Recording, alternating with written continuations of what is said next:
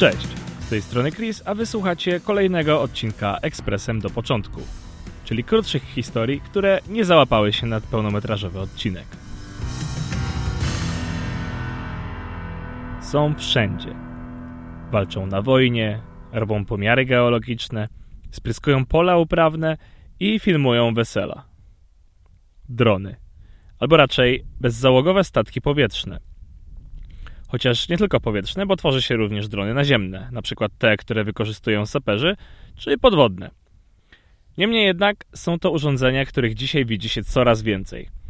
Koszty produkcji dronów drastycznie zmalały, co pozwoliło na rozprzestrzenienie się ich na rynku komercyjnym. Dzisiaj możemy kupić drona nagrywającego wideo w 4K za jakieś 2000 zł. Jeszcze kilkanaście lat temu dron o podobnych gabarytach kosztował ćwierć miliona dolarów albo i więcej. Nie mówiąc już o tym, że jakość wideo, które filmuję, też byłaby dużo niższa. Ale bezzałogowe pojazdy powietrzne mają o wiele dłuższą historię niż te ostatnie kilkanaście lat, z których ich kojarzymy. Pamiętacie, kiedy bracia Wright odbyli swój pierwszy lot? 17 grudnia 1903 roku. Tego dnia około godziny 10.35 Orville Wright wzbił się w powietrze w samolocie i dokonał lotu na odległość około 37 metrów. Lot ten trwał 12 sekund. Tak więc samoloty skończyły niedawno 115 lat.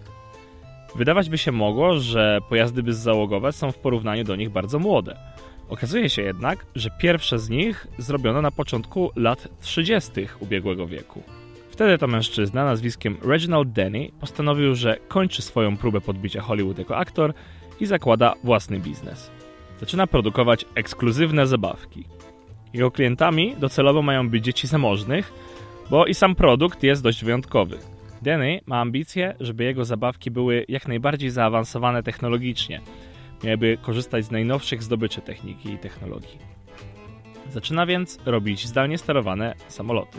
W 1934 roku biznes zabawkowy rozkręca się, a Denny wpada na pomysł, aby zbudować nieco większe, sterowane radiowo samoloty i zaoferować je armii. Miały one służyć jako cele do szkolenia żołnierzy obsługujących działa przeciwlotnicze. W 1935 roku firma Reginald Denny Industries ma już inwestorów, dzięki czemu udaje się skonstruować prototypowego drona. RP-1, czyli Radio Plane One. Trzy lata później twórca demonstruje swój pojazd amerykańskiej armii. I mimo tego, że jego samolocik po kilkunastu minutach lotu rozbija się o dno wyschniętego jeziora Dale Dry Lake, zrobił na tyle dobre wrażenie na obserwujących go generałach, że wojsko zdecydowało się podpisać umowę, opiewającą na 11 tysięcy ówczesnych dolarów, czyli mnóstwo pieniędzy, na mocy której miał zbudować trzy nowe prototypy. Kilka iteracji dalej, w 1941 roku, jego następca, RP-5, jako pierwszy seryjnie produkowany wojskowy dron, zostaje wdrożony do służby. Ma skrzydła o rozpiętości 372 cm i 265 cm długości. Waży 47 kg i napędza go silnik o niesamowitej mocy 6 koni mechanicznych. Maksymalny czas lotu wynosi zaś 70 minut. To i tak całkiem niezły wynik, biorąc pod uwagę możliwości kwadrokopterów robionych mocne kilkadziesiąt lat później. Jednak skoro na początku lat 30. XX wieku zrobiono pierwsze samoloty bezzałogowe, to czy możemy założyć, że pierwszym dronem był pierwszy pojazd sterowany radiem? W zasadzie tak.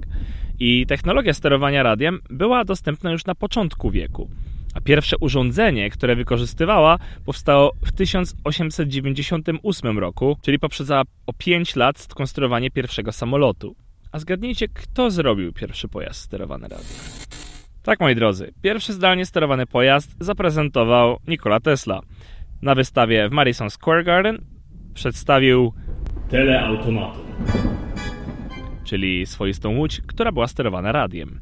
I choć Tesla opatentował rozwiązanie, które pozwalało na sterowanie pojazdami zdalnie, to tak naprawdę jedną ze składowych sukcesu tego urządzenia była dużo bardziej uniwersalna technologia. A mowa to o wykorzystanej w niej bramce logicznej.